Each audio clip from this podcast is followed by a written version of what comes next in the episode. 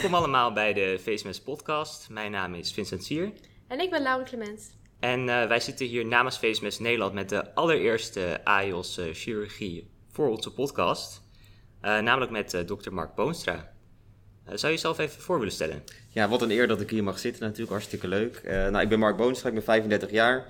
Ik heb mijn geneeskunde en promotieonderzoek hier in Leiden gedaan. Um, en in 2017 was ik daarmee klaar. Toen ben ik in uh, Amsterdam begonnen als ANIOS en nu vierdejaars uh, AIOS ook in het uh, AMC, of in ieder geval Amsterdam UMC nu tegenwoordig natuurlijk. Ja, duidelijk. Hey, wij hebben um, natuurlijk onderzoek gedaan voor deze podcast en zijn allerlei dingen tegengekomen. en onder andere viel ons erg op dat jij bij Defensie hebt gezeten. Hoe is ja, dat zo gekomen? Ja, ik, dat was altijd mijn jongensdroom. Dus vanaf uh, als 12-jarig jongetje, toen uh, was ik al alle foldertjes aan het verzamelen en elk filmpje te kijken dat maar kon. Dus eigenlijk mijn hele middelbare schooltijd stond in het teken om militair te worden. Dus uh, ben zo snel mogelijk van de middelbare school afgegaan en me aangemeld bij de luchtmobiele brigade. En daar ben ik uiteindelijk in februari 2004 opgekomen. Nou, je hebt een halfjaartje opleiding voordat je dan uiteindelijk dan echt bij de parate eenheden komt. dus in 9 juli, dat weet ik nog goed, kregen was dan de, zeg maar, de ceremonie dat je het hebt gehaald. En dan krijg je ook je baret, uh, et cetera. En um, ja, toen begon het eigenlijk met een avontuur. Het was wel leuk eigenlijk, want um, het was natuurlijk allemaal nog spannend. Eén maand later, dus je moet bedenken, is het, eigenlijk is hetzelfde zoals onze geneeskundestudie. Dus je hebt, bij geneeskunde heb je zeg maar zes jaar, dan leer je de basis. En daarna word je natuurlijk AJOS en dan, ga je, dan leer je pas echt het vak. Nou, dat is daar ook, dus halfjaartje opleiding en dan kom je bij de praat nee, Dan moet je het eigenlijk nog allemaal leren. We waren toen uh, oefening, uh, augustus. En uh, allemaal nieuwe mensen natuurlijk. Want je komt natuurlijk bij een eenheid die al bestaat. Dus je komt als broekje erbij. En toen werden we eigenlijk al bij elkaar geroepen. En toen zeiden ze, jongens, uh, want de missie in Irak draaide toen. Dat deden toen de eenheid, waar, de eenheid waar ik bij zat. Toen zeiden ze al, jongens, er zijn mensen nodig. Over tien dagen zitten jullie daar. Jeetje. Dus toen dachten we ook van, holy shit, weet je wel. Ja. Van, bel me even naar je thuisfront, zodat ze al spullen pakken. Nou, de komende dagen ontwikkelde dat. Toen uiteindelijk zijn we niet binnen tien dagen gegaan, maar wel twee maanden later. Want uiteindelijk de eenheid die, toen zo snel moest, die zou alleen maar wachtreizen, maar zeggen. En uiteindelijk zijn wij toen uh, in november uh, gegaan uh, naar Irak, Zuid-Irak. daar um, opereerden we uiteindelijk onder de Britten. Hadden wij als Nederlanders wel een eigen gebied met eigenlijk twee kampen. Ehm, dus heb ik eigenlijk vier maanden gezeten. En wat we, kijk, die missie was meer eigenlijk uh, het ondersteunen van de politie-eenheden daar en het leger. Dus daar trainen we eigenlijk uh, meer de locals. En we hielpen ook wel om het gebied in de gaten te houden. Want de grote snelweg van Kuwait naar Bagdad, die liep eigenlijk langs onze kant. Dus we moesten dat ook in de gaten houden, dat er geen rare dingen gebeurden. Dat was eigenlijk uh, vier, ik denk iets meer dan vier en een half maand gedaan. Toen kwam ik terug, veel oefeningen gedaan. En toen kwam eigenlijk de Oeruzkan-missie eraan. En toen werd uh, ja, mijn eenheid aangewezen om daar als eerste naartoe te gaan. Dus we waren als een van de eerste militairen daar uh, ter plekke. Toch wel spannend dan?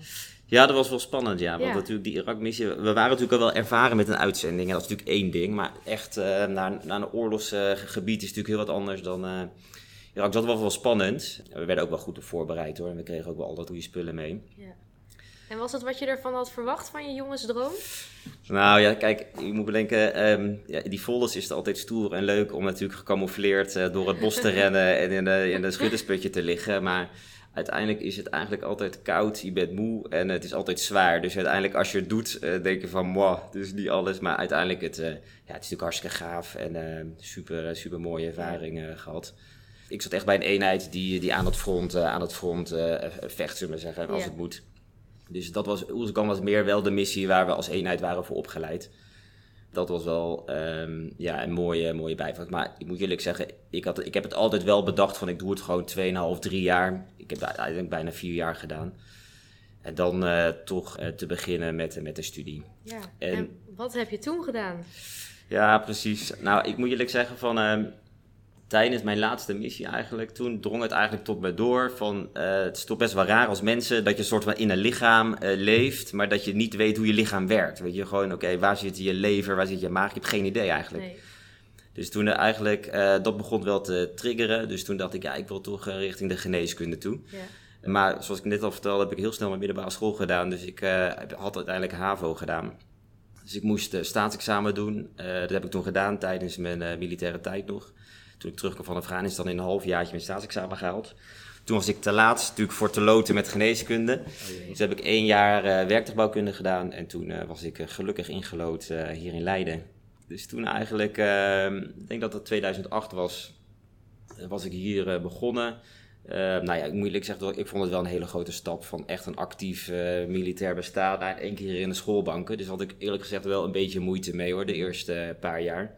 Ik, was er ook mee naar de studieadviseur gegaan en die zei misschien moet je gewoon onderzoek doen. Dus ik ben al relatief snel tijdens mijn uh, studie ook met onderzoek begonnen. Ja. Ik in mijn tweede jaar of zo, dat ik al langzaam een beetje op het lab begon. En toen tijdens mijn bachelor eigenlijk mijn, ehm, steeds meer onderzoek gedaan. En toen kwam ik, kon ik uiteindelijk een vaste aanstelling krijgen via het MD-PhD-traject. Toen ben ik twee jaar voor mijn kooschappen heb ik fulltime onderzoek gedaan.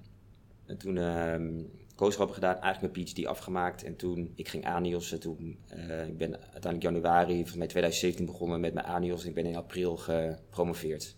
Dat kan ik iedereen aanraden om te promoveren voordat je AIOS wordt. Ja. Want dat is echt niet te doen hoor. Als je dat heel zwaar, ja, denk ik. allemaal twee petjes op en ik zou niemand aanraden. Nee. nee. Ik kan beter even doorwerken, een halfjaartje en later solliciteren dan. Uh, dan Want, uh, is er dan nog wat uit de tijd dat je bij het leger hebt gezeten, wat je nou hebt meegenomen in je carrière of in, je, in, in jouw arts zijn? Hoe je met dit problemen omgaat? Ja. Of, ja, ja, kijk, het, uh, vooral die uitzendingen, dan word je wel even van een jongetje meteen een man, zullen we zeggen.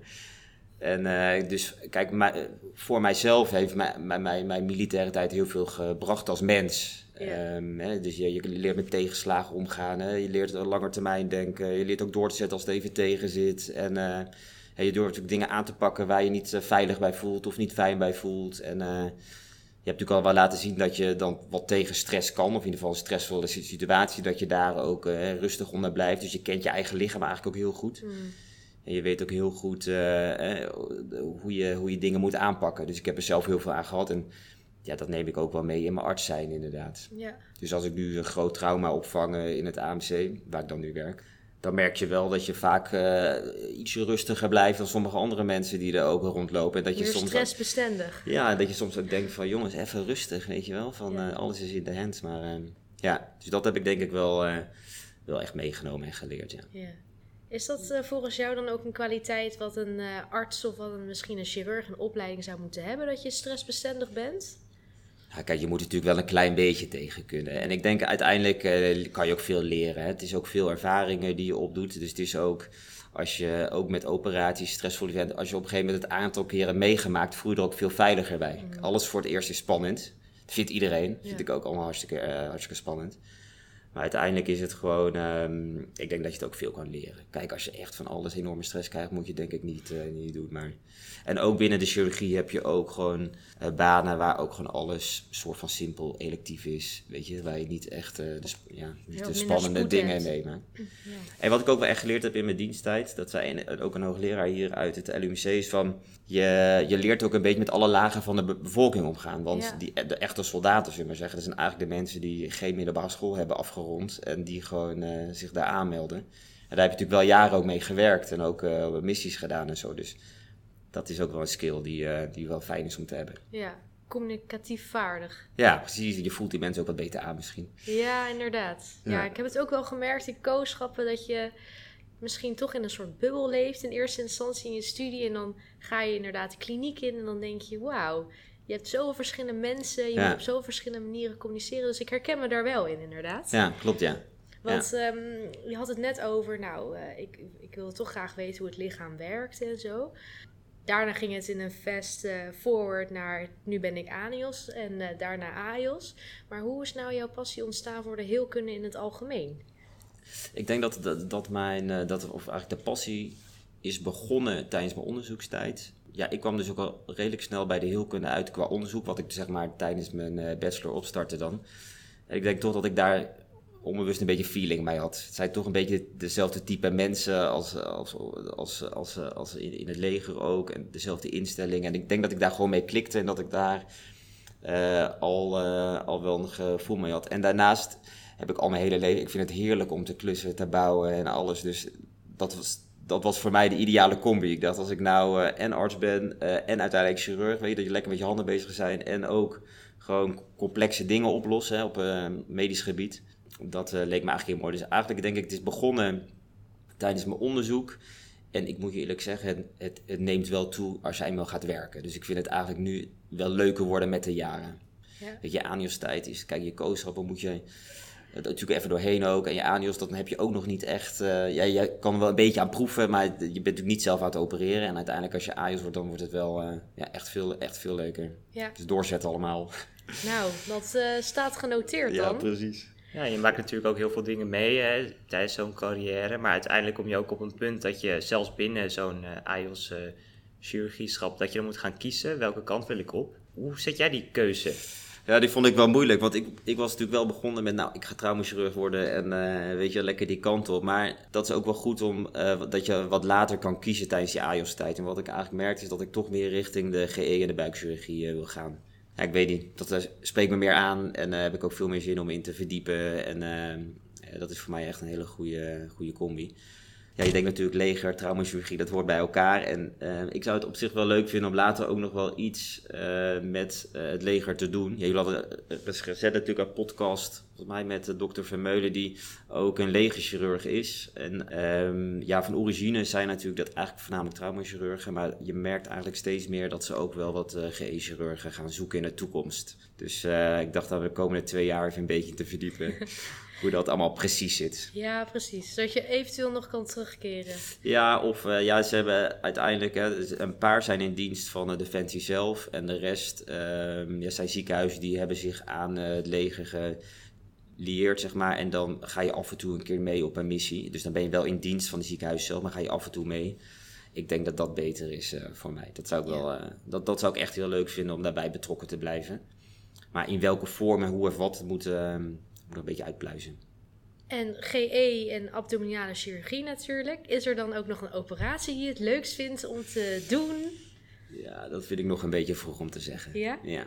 Nou, ik merk wel dat ik wat meer aangetrokken word tot de bovenbuik dan de onderbuik en, uh, en het bekken. Dus uh, ja, ik denk dat ik een beetje boven in de buik blijf. Ja, want over um, missies en uitzenden.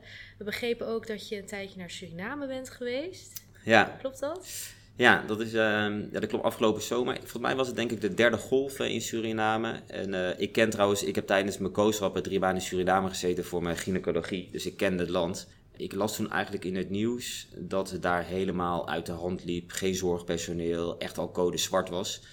En uh, dat las ik op zondag. En toen, toen ik dacht, ja, ik moet daar gewoon helpen. Ik zat ook in het AMC. en er was ook niet per se toen heel veel voor ons als AJOS te doen. En in dat krantenartikel stond een arts uit Nijmegen. Dus ik heb gewoon zondag om s s'avonds even naar, uh, of in ieder geval naar het ziekenhuis in, in, Nijmegen gebeld en voor die arts. Maar ik vroeg eigenlijk om het e-mailadres. Dus ik vroeg aan de centrale van kan u mij doorverbinden, of kan u mij het e-mailadres geven van deze en deze arts. En toen uiteindelijk kreeg ik haar dus aan de lijn. Hadden ze gewoon die naar me geluisterd, kreeg ik doorverbonden. Dus op een gegeven moment had ik haar in één keer aan de lijn. Ik zeg, holy shit, sorry, weet je wel, van heeft u dienst? Nou, ze had geen dienst. Ik zeg, nou, maar ik heb je krantartikel vandaag gelezen en uh, nou, ik zou heel graag mee willen. Van, uh, nou, ik ben ik, eerst een beetje voorgesteld natuurlijk, van yeah. uh, ik zou heel graag mee willen. En toen zei ze, nou, hartstikke goed dat je, dat je belt, mail me even. Nou, dat wilde ik natuurlijk ook doen. Dus zei ze, morgen gaan we nog met het ministerie zitten, dat was dus maandag. En um, dan laten we je s'avonds weten of je, of, of je dan mee mag nou, ik zeg, is goed. Dus ik werd uiteindelijk uh, maandagavond uh, gebeld. Of ja, het was maandagavond, maar toen sliep ik al. Dus eigenlijk dinsdagochtend uh, gebeld van, nou, we willen je graag mee hebben. Dus ik had gelijk, s ochtends, het was al voor die vrijdag, gingen we al.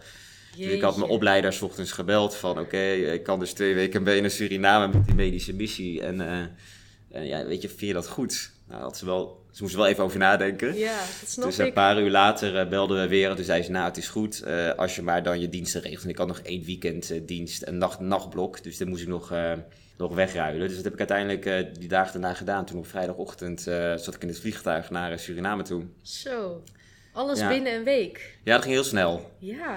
Ja, maar dat was ook wel weer de charme daarvan. Vond, ik, wel, vond ik wel leuk. Ik had er wel wat COVID-zorgervaring, hoor. Dus het was niet dat ik blanco naartoe ging. Ik had het geluk dat ik net voor corona mijn IC-stage af had gerond. Dus toen de corona de eerste golf was, toen was het, ja, weet je wel, wie er net weg is, komt weer als eerste terug. Dus ik mocht gelijk als eerste weer naar de IC toe. Dus ik heb drie maanden COVID-IC gedraaid in het OVG ziekenhuis in Amsterdam.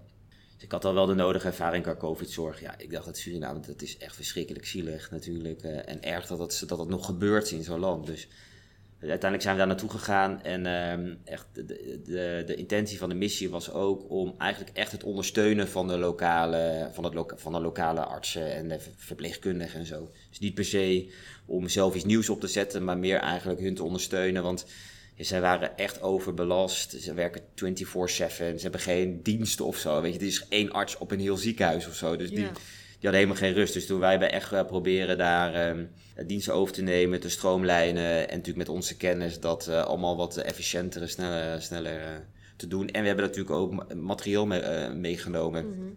Qua hele simpele dingen, van neusbrilletjes tot mondkapjes, tot ja, van alles wat.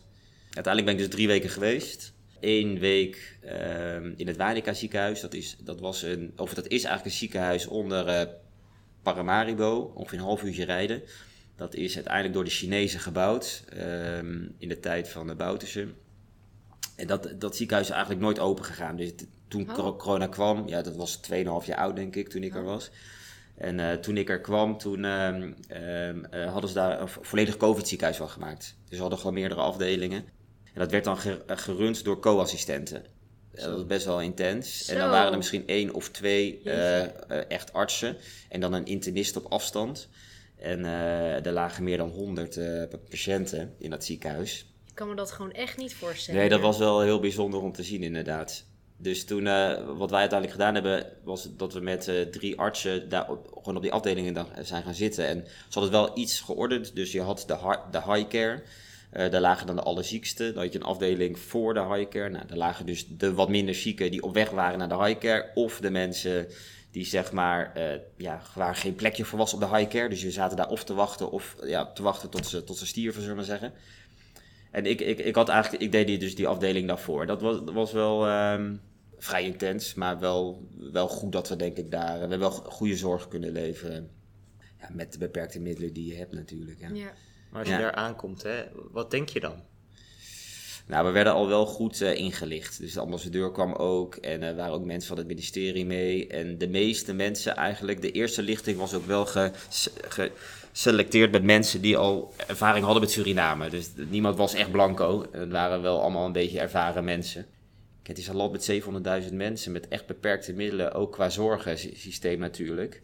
Die zijn helemaal overlopen natuurlijk. Ja, wij hebben dat hier al met onbeperkt geld, onbeperkte middelen, kunnen we ook al een golf niet opvangen. Dus dat was daar ook. Dus uiteindelijk uh, ja, hebben we gewoon de, voornamelijk de dagdiensten overgenomen en daar uh, zorgen, zorg geleverd.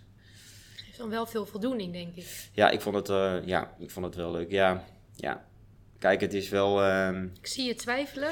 Ja, het is wel voldoening. Het is wel fijn dat je natuurlijk daar kan helpen en ondersteunen. Maar je moet, je moet niet bedenken dat je daar natuurlijk het helemaal verandert. Nee. Je gaat natuurlijk een beetje op dezelfde, dezelfde level door. Terwijl, ja. kijk, mijn laatste twee weken heb ik in een klein ziekenhuis 3,5 uur rijden ten westen van uh, Paramaribo gezeten in uh, Nekeri. En dat was gewoon een heel klein ziekenhuis uh, met echt weinig middelen. Daar was ook geen Nederlandse arts voordat ik kwam. Het werd gerund door Cubaanse artsen, internisten die zelf bang waren voor COVID. Dus die waren, waren niet gevaccineerd, die liepen niet op de afdelingen. Dat lijkt me geen goede combi. Nee, het was wel, dat vond ik echt wel heel bijzonder hoor. Want er lagen dan, eh, denk ik wel, als ehm, ze hadden het ziekenhuis opgesplitst, hebben daar nog man- en vrouwafdeling. Dus de vrouwafdeling was zeg maar COVID, mannen was dan uh, nog de gewone zorg. En daar lagen denk ik gewoon 30 uh, COVID-patiënten, echt hele zieke patiënten waar gewoon geen arts langs liep waar alleen maar een soort van verpleging dan, uh, dan zorg aan het leveren was. Dat vond ik wel, uh, daar, hebben, daar hebben we nog wel echt kunnen helpen, weet je wel. Van oké, we gaan die st structureel doen. Drie keer per dag uh, langs de bedden, weet je. Elke keer sorteratiemeters om. Gasfles leeg, nieuwe gasfles. Gewoon echt, weet je, die basis en daar gewoon strak op zijn. Daar heb je wel, daar denk ik wel dat we daar een, goede, een goed duwtje in de rug hebben gegeven, ja. ja. Maar daar overleden wel heel veel mensen ook hoor. Zeg maar, dat was echt, uh, dat was echt code zwart. Zeg maar, waar je echt gewoon drie machines hebt of drie apparaten en uh, 15 mensen moeten erop. Zeg maar. Ja. Dat was wel bijzonder. Ja. Maar kijk, uiteindelijk, je, je, je, je moet gewoon het beste, je moet je, je best doen met de middelen die je hebt. Ja. En uh, dat hebben we denk ik wel, wel goed gedaan. Ja. En toen kwam je weer terug ja. in Nederland. En toen ging je verder met je AJOS-schap. Toen moest ik bij AJOS'en, ja. Dat gaat dan maar door. Ja, dat was, Ja, ik- eh, was dat dan weer een grote switch terug? Of Nee, ik, kan- ik moet eerlijk zeggen dat ik ook wel weer zin in had. Ja. En de drie weken daar is ook wel, eh, dat, dat was ook wel genoeg. Ik zei, je, gaat het, je, je bent er niet aan het veranderen. hè. Je bent gewoon meer echt aan het ondersteunen en helpen. En dan, ja, het was wel weer goed om gewoon weer terug te komen en eh, hier eh, door te gaan. En je zit nu al in je vierde jaar. Ja. Ja, er zijn AJOS'en, maar ook ANJOS'en die er best wel wat dingen naast doen. En eh, ik, ik heb ook wel gemerkt dat dat misschien een soort toenemend iets is eh, dat wij dat eh, ja, moeten doen. Wat doe jij ernaast?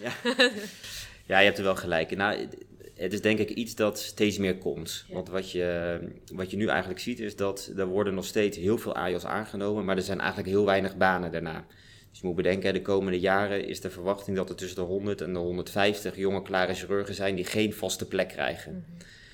Eh, waar nu ook steeds meer een beetje focus op komt en op gehamerd wordt van oké, je moet je ook wat meer ontwikkelen naast je chirurg zijn. Hè? Van wat, eh, wat vind je nog meer interessant eh, in het leven? En wat, weet je, en daar komt steeds meer aandacht voor. Nu moet ik eerlijk zeggen dat niet, ik denk eigenlijk veel mensen doen nog onderzoek naast. Die hebben gewoon eigenlijk een onderzoek van hun PhD doorgezet. Maar ik weet niet echt heel veel mensen die er echt een hele, iets, iets, iets anders naast hebben. Je ziet het wel wat meer bij de, de, de onderzoekers nu en de ANIOS'en. Die hebben vaak wel een of ander baantje er nog bij Ja. voor eh, een dag in, de, dag in de week. Die, die keuren of die eh, werken bij een huisartsenpraktijk of eh, zoiets erbij. Of hobby's?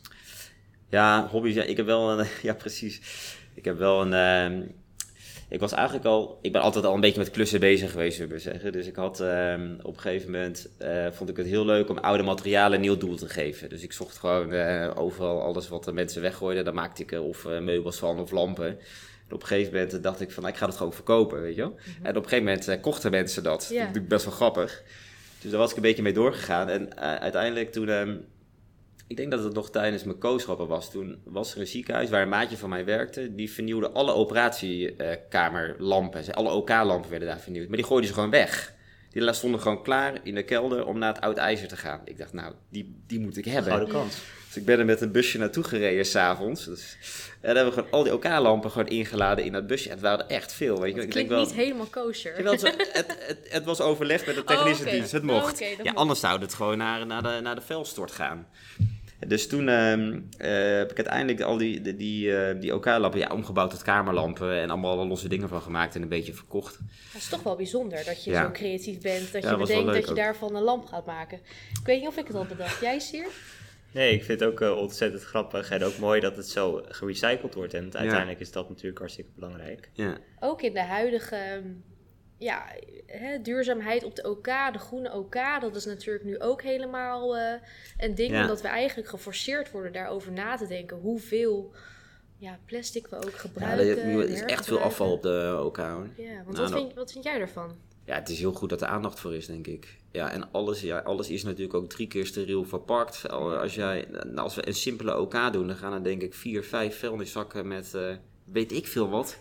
Gaat weg. Ja, Dus ik snap wel, het is wel goed dat we daar eh, echt eh, op letten hoor. ja, Ja, want het is echt, eh, echt een waste. ja.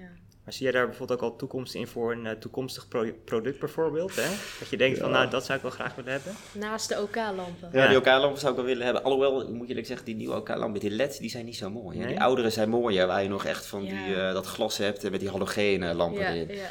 Dus die nieuwe LED, ja, die hoef ik niet. Maar ehm, op de OK, ja, ik weet niet, ik zat wel eens te denken, zo'n operatietafel, maar daar kan je ook niet zoveel mee. Ik denk dat de lampen het mooist waren. Nou, je kan er misschien een eh, omgekeerde keukenblok van maken of zo. Nou ja, dat ik nog een beetje kan dat je hem ja, nog een keer kan bewegen. Ja. Ja, dat is wel leuk. Ja, dat, ik, dat, ik moet je dat, die, dat klussen met dat eh, bedrijfje, dat heeft wel, dat staat wel een dipje gehad aan het begin van mijn iOS-tijd. Maar ik ben nu wel weer wat aan het oppakken, maar eh Dus er komt moet binnenkort er wel een beetje een tijd. eh, nieuwe Kom- lijn. komt een nieuwe lijn, ja. Nou, Dus jongens, koop het vooral. bij Vooral deze. Amsterdam. Vooral Amsterdam. Nieuwe lijn, lampen. Ga het vooral even opzoeken. Ja, precies. Nou ja, je maakt meubels, je bent AIOS. Ehm, slaap je nog? Of eh, heb je nog meer toekomstprojecten waar je over nadenkt?